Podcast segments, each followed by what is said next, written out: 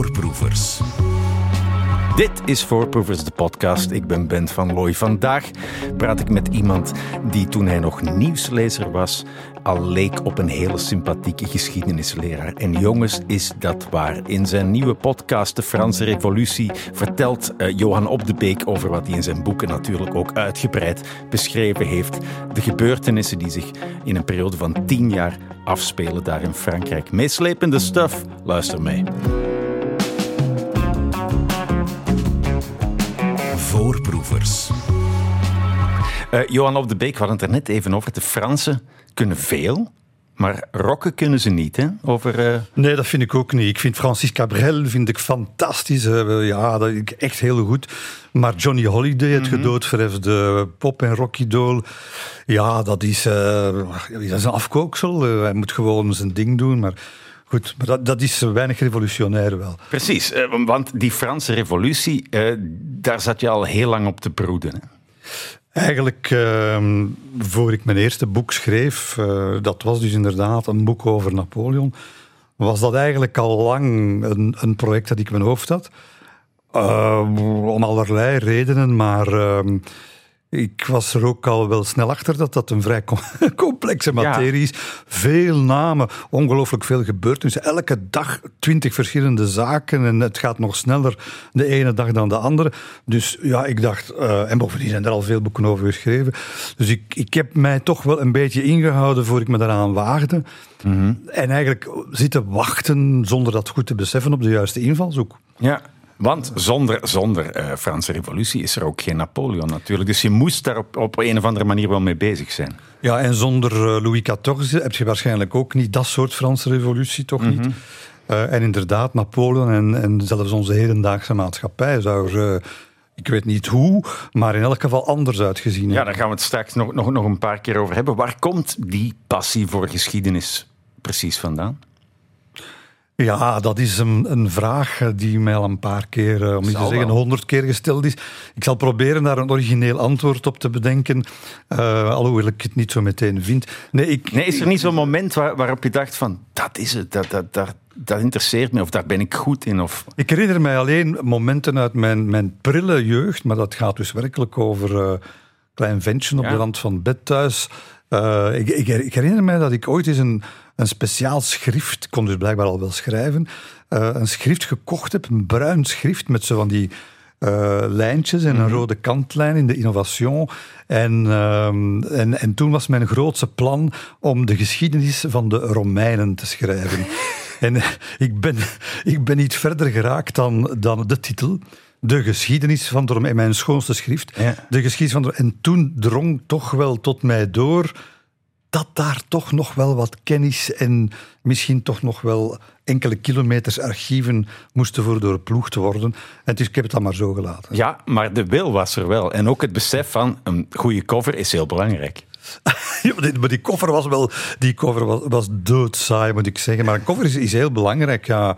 Over die cover van de Franse Revolutie, van het boek, daar is, uh, daar is over nagedacht. Uh, wat, wat zetten we daarop? Zetten we daar een guillotine op? Zetten we ja. daar een koning op?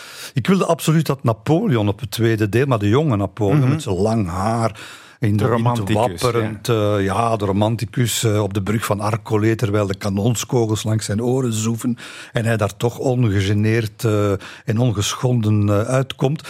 Ehm, om, omdat, ja, eerlijk gezegd, om, om, omdat dat de man ook is die na tien jaar revolutie, want mm -hmm. daar, daar, kom je ook pas later achter, revolutie, dat is niet zo van zoals ze op, dat school, op school leren, hè, van uh, de mensen kwamen op straat, ze waren kwaad, ze onthoofden de koning en voilà, ja. was revolutie. Nee, tien jaar inderdaad. Tien jaar. Uh, uh, honderdduizenden namen, de ene al moeilijker te onthouden dan de andere, maar toch ook wel een aantal echt belangrijke figuren die er bovenuit springen. Verschillende gebeurtenissen die elkaar opvolgen. Wat was voor jou het moment dat eindelijk de puzzelstukjes in elkaar vielen en dat je dacht van, aha, dit is mijn verhaal? Wel, paradoxaal genoeg, niet op een of andere gekasseide oude straat in Parijs, maar in het, uh, op het krakende parket van uh, Versailles. Ja, we horen ik, dat ook in de podcast. Hè, ja, hoor je dat kraken? Ja. ja. ik heb de podcast zelf nog niet beluisterd. Ik zit met een visadempje te wachten. Ik vind het altijd gênant om jezelf daar bezig te horen. Ik luister daarnaar in de, in de wagen, zoals veel mensen trouwens. Ja, ik, Heel veel mensen die mij mailen en, en vertellen van oh, we, waren, we, zijn, we zijn dan toch nog eens naar Versailles gegaan en dat is dan drie, vier uur rijden. Een hele tijd hebben we naar die podcast over de zonnekoning. Maar je uh, hoort jou dus inderdaad in, in dat uh, paleis van Versailles binnenschrijden hè? Ja. En, en, en het parket kraakt. En daar zie je een portret van een man ja. die eigenlijk heel belangrijk zal blijken. Die ik daar niet meteen kon thuisbrengen, want uh, dat is in een van de zalen die gewijd zijn aan, nog door koning Louis-Philippe, dus een, een, een, koning die lang na de Franse revolutie regeert en die daar een, maakt van Versailles een soort museum. En daar is er een zaal rond uh, de, de eerste, het eerste echte parlement, hè, de, de, mhm. conventie van 1792, waar de grote tenoren van die, van die eerste Franse volksvertegenwoordiging uh, geschilderd hangen. We hebben het over toch wel kleppers hè, als Danton, Robespierre, een Mirabeau, een Condorcet. En daar hing daar een kereltje tussen uh, die, die, die ik totaal niet kon thuis. Nogal slordig zo. Die anderen, die Fransen, die zien er zo, zo soms bepruikt. Ja. Met chique jabots of tassen. En ja, toch wel, uh, toch wel enigszins uh, beschaafd. En dan hangt daar zo'n een figuur tussen. Een echte sans-culotte. Ja. Met zijn hemd open, doelbewust. Imagebuilding ja. al toen. dat haar, zo, lang krullend, beetje vettig haar, denk mhm. ik. Zo'n blozend kopje. goed voorzien van, van oren en poten zoals ze in een of ander dialect bij ons zeggen. En, en ja, wie is die man? Dat blijkt François Robert te zijn. Wie is dan toch François? Bij navraag blijkt dat een landgenoot te zijn. Ja. Is dat een Belg? Enfin, een Belg bestond toen nog niet natuurlijk. Hè, maar, maar het is iemand van hier en die dan... Uh, wat, wat, hangt die daar te doen? Mhm. Ja, dat, daar hang je niet omdat er toevallig een portret van die kerel... Nee, en er was ook geen toevallige bijstaander. Nee, nee, nee. Hij is eigenlijk... Uh, weet je dat ik dat vertel, van waar die, van waar die afkomstig was? Eigenlijk een man... Ik ben naar zijn dorp gaan, zijn geboortedorp gaan kijken. niet zo ver weg, hè? niet ver weg. Het ligt in de Ardennen, waar we allemaal uh, wel, uh, wel eens graag gaan wandelen. In een, uh, een pokkendorpje. Hoor. Je, je, bent er, je bent er doorgereden voor je weet dat je er bent in, in ja, zo'n typisch uh, Ardensdorpje, klein en, en, maar wel leuk. En daar wordt hij geboren, zoon van een, van een herenboer, uh, mag studeren, uh, wordt advocaat, ja. belandt in een, een naburig stadje, Givet, net over de grens, waar je ook eens moet gaan kijken, dat is ook wel een leuke stad. En moet daar om een of andere reden moet dan een zaak gaan pleiten als advocaat in Parijs. Ja. Komt daar terecht in de zomer van 1789, op het moment dat het ding daar uit zijn voegen barst. Het, eh, het ontploft, Frankrijk het, ontploft. Het moment in de hele geschiedenis. het moment, ja. En, maar wat blijkt, en dat is wel interessant, uh, vind ik persoonlijk, dat die François Robert, die, die komt daar niet als de onnozele Belg die van niks weet en die zegt van wat is dat hier allemaal? Nee, die is goed voorbereid. Mm -hmm. Die heeft eh, de verlichtingsfilosofen gelezen. En niet alleen dat, Um, iets wat wij zelf uit onze eigen geschiedenis wat, wat vergeten zijn. Er is hier in, in onze streken, in Brabant, in Vlaanderen, Luik zeker ook, is er, is er ook revolutie aan de gang. Uh, is er al voordien, voor de Franse Revolutie al... Je beschrijft uh, heel mooi uh, hoe de eerste tekenen, tekenen van ontevredenheid opduiken in dat Ardense dorp van, van die François Robert. Er, er wordt gesjoemeld met het graan bij de bierbrouwer. En, en dat is voor hem een teken aan de wand. Zegt van het, het gaat fout. Het gaat ontploffen. Hij, hij, leert ook de, de onrechtvaardigheid van een systeem van privileges. Want vergeet dat niet. Hè. We gaan bespreken over 8% van de bevolking die, eh, die leeft op de rug, letterlijk, mhm. van, de, van de rest. De eerste en de tweede stand, de klerus en de adel, die geen belastingen betalen. Die uh, privileges hebben, die andere rechten hebben dan de rest dan de rest. En, en het is de mama van, uh, van, van François Robert, die eigenlijk een herberg uitbaat, in bier handelt en zo. En die moet allemaal belastingen betalen. En die mensen die dat bierpintje komen drinken, die moeten allemaal meer voor hun bier betalen, terwijl die bischop en alles wat daar rondhangt, ja, die leven gewoon vrolijk verder. En dus dat, die, dat, dat tekent hem al, uh, al heel vroeg. En dus wanneer die samen met de lectuur van, van een Diderot en zo verder, uh, als hij dan in Parijs terechtkomt, is dat voor hem niet van wat zijn ze hier aan het doen. Integendeel, hij vat heel snel het belang van het moment en schakelt zich daarin. Ja, een Belg zeggen we. Hij noemde zichzelf ook af en toe een Belg, geloof ik, in brieven. Hoe moeten we ons dat België van die tijd voorstellen? Want het bestond natuurlijk nog niet. Het waren de Oostenrijkse Nederlanden. Oostenrijkse Nederlanden, plus natuurlijk het uh, prinsbisdom Luik. Niet te onderschatten, vrij groot, groter dan nu. Uh, maar ja, dat is een, lappendeken met allerlei verschillende tradities, met een middeleeuwse organisatie. Uh, ook een echte, een echte strijd tussen zij die hun, want daar zijn ook privileges, die hun privileges willen behouden. Uh, en de nieuwe beroepen. De, de beroepen zoals advocaten, notarissen, uh, nieuwe stielen gewoon, die, die geen toegang hebben tot, tot de macht. Tot, ja tot het, uh, tot het sociaal bestel, zullen we maar zeggen. En die beginnen, die beginnen zelf natuurlijk ook aan, uh, aan de deur te rammelen. Ja, misschien moeten we eerst inderdaad even naar die standenmaatschappij gaan. Ja. Want zonder dat gegeven heb je die hele revolutie niet. En dat was wel wat de maatschappij toen uh, bepaalde. Hè. Je had mensen die, die macht hadden van geboorte uit de adel. Dan had je de klerus. En dan ging het steeds verder naar onder. Hè. Hoe, hoe zat het juist? Ja, er was zelfs in het Frankrijk van, van Lodewijk XVI, dus de laatste koning, was er zelfs heb ik ontdekt een klassificatie. Die staat uh, op papier. Ik heb ze in het boek. Uh, ik denk niet dat ze in de podcast opgenomen dus ik weet het eigenlijk niet meer. Maar in het boek staat ze. En, je, en, je, en ze, ze, ze klassificeren dus werkelijk per beroepsgroep. Ja. Ik denk dat er tien of elf zijn. Uh, en inderdaad, je hebt natuurlijk bovenaan de adel en zo verder. Maar die, die, dat zijn zelfs geen beroepen. Hè. Uh, wat er precies, hoe ze precies geclasseerd zijn, dat, uh, daar is het geheugen weer te, te kortademig voor vandaag. Maar het, het is, het is ongelooflijk. Dus je ziet werkelijk mensen van eh, nummer 1, ja, daar moet je wel respect voor hebben. En nummer 12, och ja, ja. Hè, die, die, er zijn er veel van, maar daarmee is alles gezegd. Ja, en dan helemaal van bovenaan die piramide had je een totaal geïsoleerd figuur, de koning. Eh, een soort struisvogel ook, die al die problemen wel hoort door zijn raadslieden, maar eigenlijk denkt van ja, dat zal wel overgaan.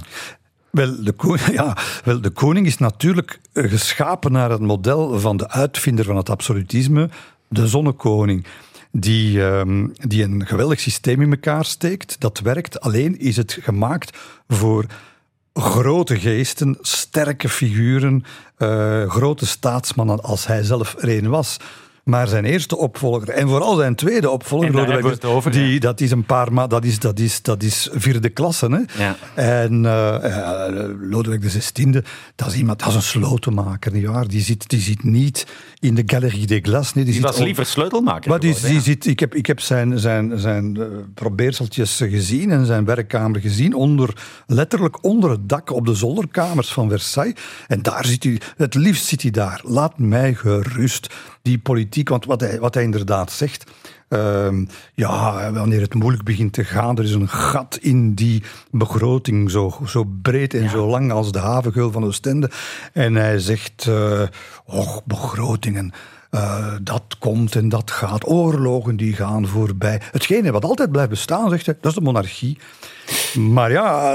Het, het, en tot dan had hij geen ongelijk. En, uh, ja, wel inderdaad, maar hij, hij is niet de man om dat spel recht te houden. Mm -hmm. En dan gaat, hij, uh, dan gaat hij over onder druk van zijn, van zijn ministers, gaat hij over tot, uh, ja, we moeten misschien toch wel iets hervormen.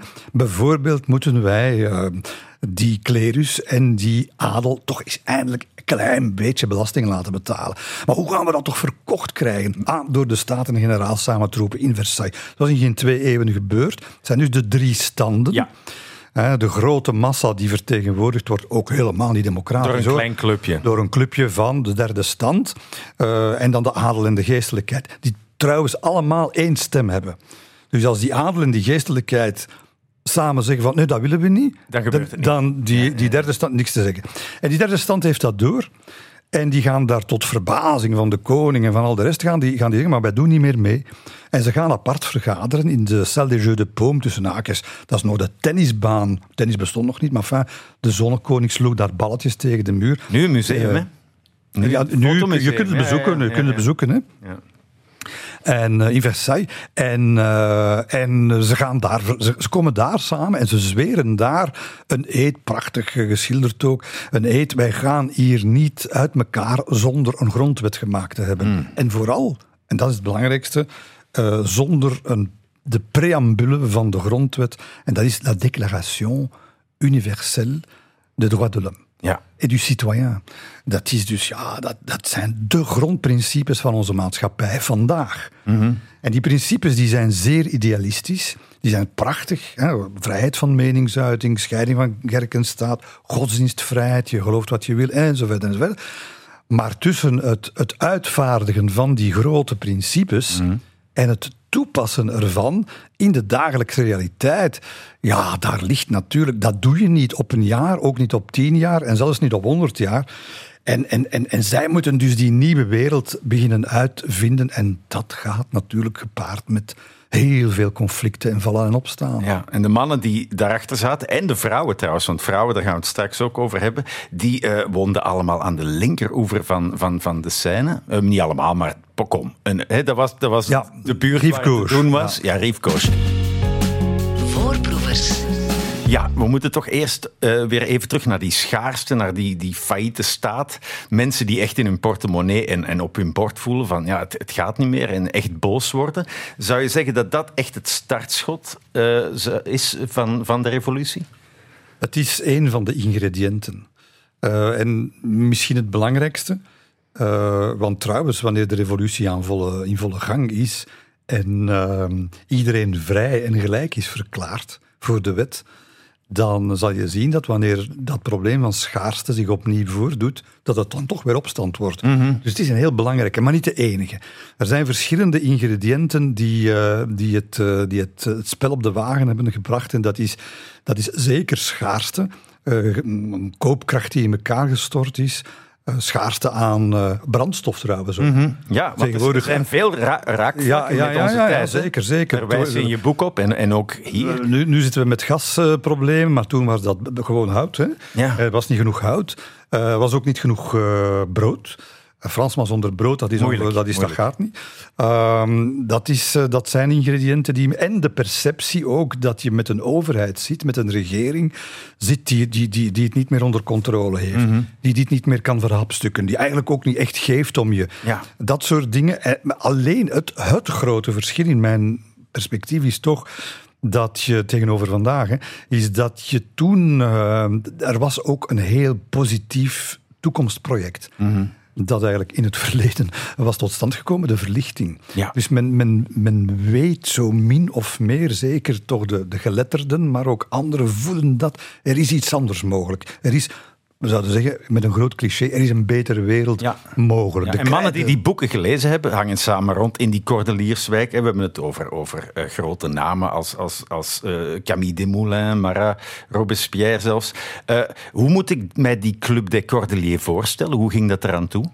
Wel, om te beginnen even, Robespierre was, was geen cordelier, die woonde trouwens op de rechteroever. Ah, dat weet ik net aan de overkant. Hij uh, uh, heeft bij mijn weten ook zelden een voet gezet in die, in die Cordelierswijk, waar toch de sansculotten Ja. uh, gedijen. En, en, en Robespierre... Hij was een apart figuur. Maar Robespierre, men, men verwart die altijd met de sansculotten, maar hij is degene die de sansculotten uiteindelijk de broek gaat afdoen, hè, letterlijk. Hè. En hij ja, hij is eigenlijk degene die de revolutie een andere kant op en, stuurt. en, en, niet temt, maar wel uh, uh, zijn kant op stuurt, zullen we maar Ja. zeggen. Uh, het is ook een bepruikte figuur in zijden kostuums. En hij heeft, heeft niks. Hij heeft geen bezittingen, woont, bij een, in, woont in Ja, bij een familie ja. de, in de Rue Faubourg Saint-Honoré. Maar, maar en tegelijkertijd is het toch wel iemand die piekfijn voor de dag Zouden we kunnen zeggen dat de club van de Cordeliers een beetje rock'n'roll was en Robespierre helemaal niet? Uh, al, ik weet niet of de Cordeliers, maar Robespierre was zeker geen rock'n'roll. Dat, ja, dat, dat, dat, dat, zeker. Nee, maar dus hij, die, die Cordeliersclub, hoe, hoe, hoe, stellen we dat ons voor? Ja, dat is, een, dat is een, een eerste vorm van democratische club. Er gaan er uiteindelijk honderden in Parijs alleen uh, ontstaan, waar, uh, waar men leert eigenlijk wat overleg is, wat debat is, wat uh, politieke meningsverschillen zijn en hoe je die kan overbruggen. Daar hadden ze het niet gemakkelijk mee, maar goed. Uh, het, is, het is de eerste vorm van democratisch overleg. Iedereen mag er binnen. Ja. Dat is ook al iets heel uitzonderlijk. En je hoeft geen lidgeld te betalen. Arme maar, mensen, arme mannen, mensen, ja, vrouwen, ja, maakt ja. niet uit. En je krijgt eigenlijk twee, soort, twee clubs. De Cordeliersclub, dat is de meest radicale, mm -hmm. en de Club des Jacobins. Van de Jacobijnen, die dan later de, de naam gaan hebben van zij hebben de revolutie gemaakt, maar eigenlijk vooral toch die Cordeliers. Mhm. Want stel je voor, in die Cordeliersclub zal ook uh, op een moment dat dat eigenlijk nog helemaal niet aan de orde is, zal ook het idee ontstaan van uh, de republiek. Ja. En, en wie gaat dat idee lanceren? Heb ik in, uh, in de podcast en in het boek uh, Aardig in de Verf natuurlijk. We hebben hem net al even. François Robert. Ja. Het, is, uh, het is onze Belg, zal ik dat nu gemakshalve maar even, maar even zeggen. Ehm, die op het moment dat, dat. In het begin zijn die revolutionairen niet tegen de koning. Mhm. Mm -hmm. ze, ze, ze, stellen zich, ze kunnen zich dat ook niet voorstellen. Nee. Het volk ook. Na net zoals de koning het zichzelf niet kan de koning kan zich ook niet voorstellen. Nee, maar niemand, hè, niemand kan zich een maatschappij voorstellen zonder monarchie. En men, de, de meest radicale houding die men aanneemt in, die, in, in 1789 is uh, een constitutionele monarchie. Ja. Dus een vorst die ingeperkt wordt door een grond, maar ook niet te veel. Zoals degene waar wij in leven. Ja, we hebben de, toch wel met merkelijke verschillen. Maar een François Robert die zegt, ja maar nee, als wij echt naar een maatschappij willen waarin mensen zich terecht vrij kunnen noemen, waarin mensen echt gelijk zijn voor de wet en, en, en gelijkwaardig zijn vooral, mm -hmm. ja, dat kan niet zonder democratie, dat kan niet zonder algemeen stemrecht en ook een aantal sociale rechten. En dus zegt hij, nee, nee, dat moet weg. We moeten een republiek worden. En hij is dan eigenlijk de enige op dat moment, 1790, die dat zegt op het moment dat je eigenlijk je kop daar nog kan voor rollen. Oh, ja. En, en, en, en, er rolden veel koppen. Hè. Nu, die, die, die Cordeliersclub is ook geen mannenclubje. Hè? De... Nee, inderdaad. En dat, dat vond ik wel bijzonder. Uh, trouwens, ook de Club des Jacobins is lange tijd een uh, gemengde club. Van, vooral de Cordeliers. Vrouwen uh, zijn daar welkom. en niet alleen om op de tribune te roepen en te tieren, maar ook om uiteenzettingen te komen Ja. geven. En die vrouwen die gaan na, na heel korte tijd al gaan. Je hebt een, een Terwagne de Méricourt, een Olympe, Olympe de Gouges en andere. trouwens, de vrouw van François Robert, Louise de Keralio, is de eerste journaliste van de uit de Franse geschiedenis. Een, een overtuigde republikeinse. En die vrouwen die gaan zich mengen in de debatten bij de Cordeliers, bij de Jacobins. Maar ze gaan ook eigen clubs politieke clubs, vrouwenclubs oprichten. Uh, niet altijd met, uh, met zachte reden hoor, want er waren er ook bij die gewoonweg uh, behoorden tot, tot degene die de, de koppen echt lieten rollen. Hè? Mm -hmm. Er waren daar aardige, aardige geweld, geweldplegers bij.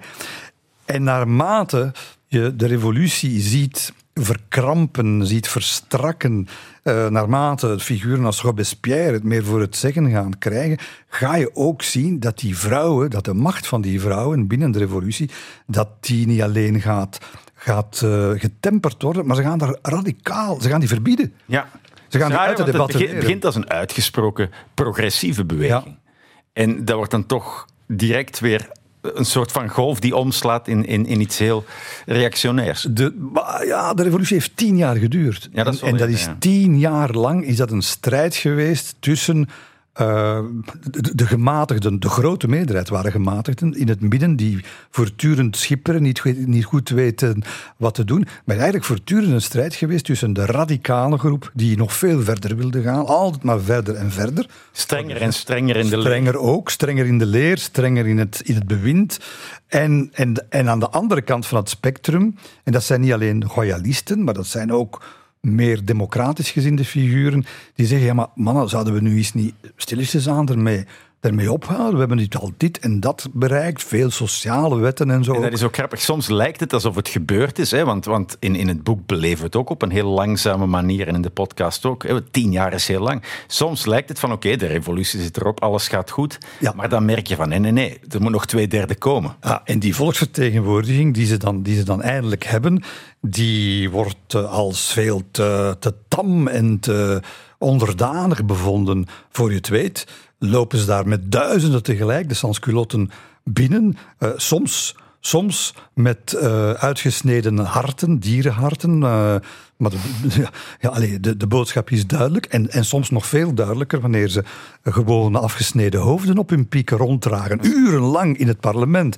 Uh, ja, en, en, en, en dan zitten ze op de tribunes ook. Als er iemand een voorstel doet, een wet indient die naar hun smaak uh, wat dit of te dat is, ja. dan wordt die weggekreten. En, en dat is ook iets wat in die Franse revolutie mij heel vaak heeft doen denken aan vandaag. Ja. Wanneer je, um, wanneer je denkt van, amai, die durft nogal, dat is een radicaal. Wel, morgen is, dat een, is die uh, te verwerpen. Mm -hmm. Want hij is niet radicaal genoeg, of ja. zij. Ja. En Of is overmorgen is het zelfs diegene die die geliquideerd heeft, die is ook al niet radicaal genoeg. Ja, een soort opbod van... Opbod, ja. opbod en, en een, een steeds meer een, het verkleinen van het speelveld. Ja. Je, het, het ergste wat je kan overkomen in de revolutie is op een bepaald moment, rond 1792, 93, is niet dat jij met, uh, met grootse ideeën rondloopt, maar dat uh, iemand zegt, bijvoorbeeld in de krant, -hmm. een maga, dat die schrijft van maar weet, weten jullie eigenlijk dat, dat deze figuur zich voordoet als een revolutionair? Maar dat is helemaal niet waar. Het is een aristocraat. Ja, ja, jullie moeten de vijand... Nou, dat staan niet de Oostenrijkers hoor. Dat is zelfs de koning niet. Nee, nee. De vijand moeten we in eigen kring zoeken. En dat creëert een paranoia. Dat creëert een, een conformisme, een sociale druk. Waardoor die grote meerderheid van goedmenende revolutionairen met variaties, maar vooral gematigd toch, die durven hun bek niet meer open doen. bang, ja, ja. Die worden bang voor, voor uitsluiting en die laten dus gebeuren wat gaat gebeuren. Ja, en we zien, we zien de geschiedenis vaak als een soort van ketting van kleine evoluties. Het ene moment is een reactie op het vorige, maar hier worden ineens reuzenstappen genomen. Hoe Ja, kan en- dat? Wat, wat is het klimaat dat, dat zoiets mogelijk is? Dat, er- dat er over eh, democratie wordt gesproken of een republiek, of dat, dat zijn ondenkbare dingen op dat ogenblik. Ja, het gaat bijzonder snel. Dat is zeer opvallend. Het, het, gaat, het gaat heel snel. En dat heb je te danken natuurlijk voor een stuk aan het verleden. Want je hebt wel die verlichtingsfilosofen die al de krijtlijnen schetsen van hoe de maatschappij er moet uitzien. En dan de mannen die de deur inbeuken, à la François Robert, à la Danton, die uh, die revolutie een heel stuk verder trekken. Want die gematigden, nogmaals, die, die, ja, Lafayette is daar een goed voorbeeld van. Hè? Ja, een, een belangrijke generaal was. Een generaal die de Amerikaanse revolutie ja. nog meegemaakt heeft, echt meegemaakt heeft. En die zegt, ja maar nee, we moeten niet te ver gaan. En uh, rond het bezit bijvoorbeeld, eigendom. Ja. Uh, ja, je hebt een deel van, het grootste deel van de revolutionairen die zeggen, mensen zijn gelijkwaardig. Maar dat betekent nog niet dat we nu allemaal onze portemonnee ja. op tafel moeten leggen en het allemaal gaan herverdelen. En je hebt een kleine groep, uh, pre-communisten zou je ja, ja. kunnen zeggen, die zeggen nee, nee, nee, nee, alles weg, hè. Al, al, gelijkwaardigheid, dat betekent geef de centen ja, maar aan de, het volk, le peuple. Enfin, dat zijn dingen. En, en, en die krijgen dan op een bepaald moment voor het zeggen. En dat zijn telkens katalysatoren, dat zijn telkens stroomversnellers, waardoor het allemaal veel rapper gaat dan, dan, dan mm -hmm. iemand voor mogelijk uh, zou gehouden hebben. En dat, dat is ook iets wat je vandaag wel bij momenten ziet. Dat is dat, dat ja, de brave burger gaat, gaat ochtends slapen met het idee van oh, leven wij toch in een uh, redelijk rustige maatschappij. En, en, en morgen vroeg staat daar iemand die zegt het is allemaal anders. Ja. ja, ja wat ook opmerkelijk is, is uh, dat kleine clubje. Uh, weet enorm veel volk op de been te brengen. En dat is inderdaad, je zegt het ook in de podcast, een tijd zonder sociale media.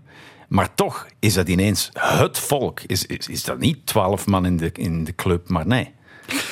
Ja, men, men schrikt zich uh, een hoedje in, was nog in het begin van de revolutie, als ze daar in Versailles hè, nog op de drie standen zitten te palaberen over de rechten van de mens en zo verder. Allemaal heel mooie dingen.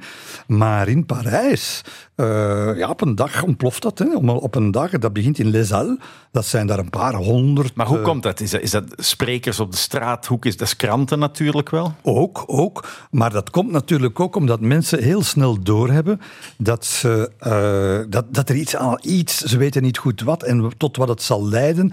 Maar ze hebben wel heel snel door dat uh, ze, ze plegen bijvoorbeeld geweld. Ja. Heel, heel vroeg al. er worden nog lang voor de guillotine tienduizenden mensen gaat... Uh, de lantaarnpaal was een... Uh, gaat men ze gewoon opknopen ja. aan de lantaarnpaal, de kop afsnijden met een slagersmes, enfin allemaal dingen om s'avonds laat niet te vertellen, maar, maar, maar het gebeurt wel. En dat blijft... Ze, ze hebben daar schrik van. Ze, denken, ze weten heel goed van oei, wat, maar wat doen wij hier? Mm. Wat gebeurt er hier allemaal?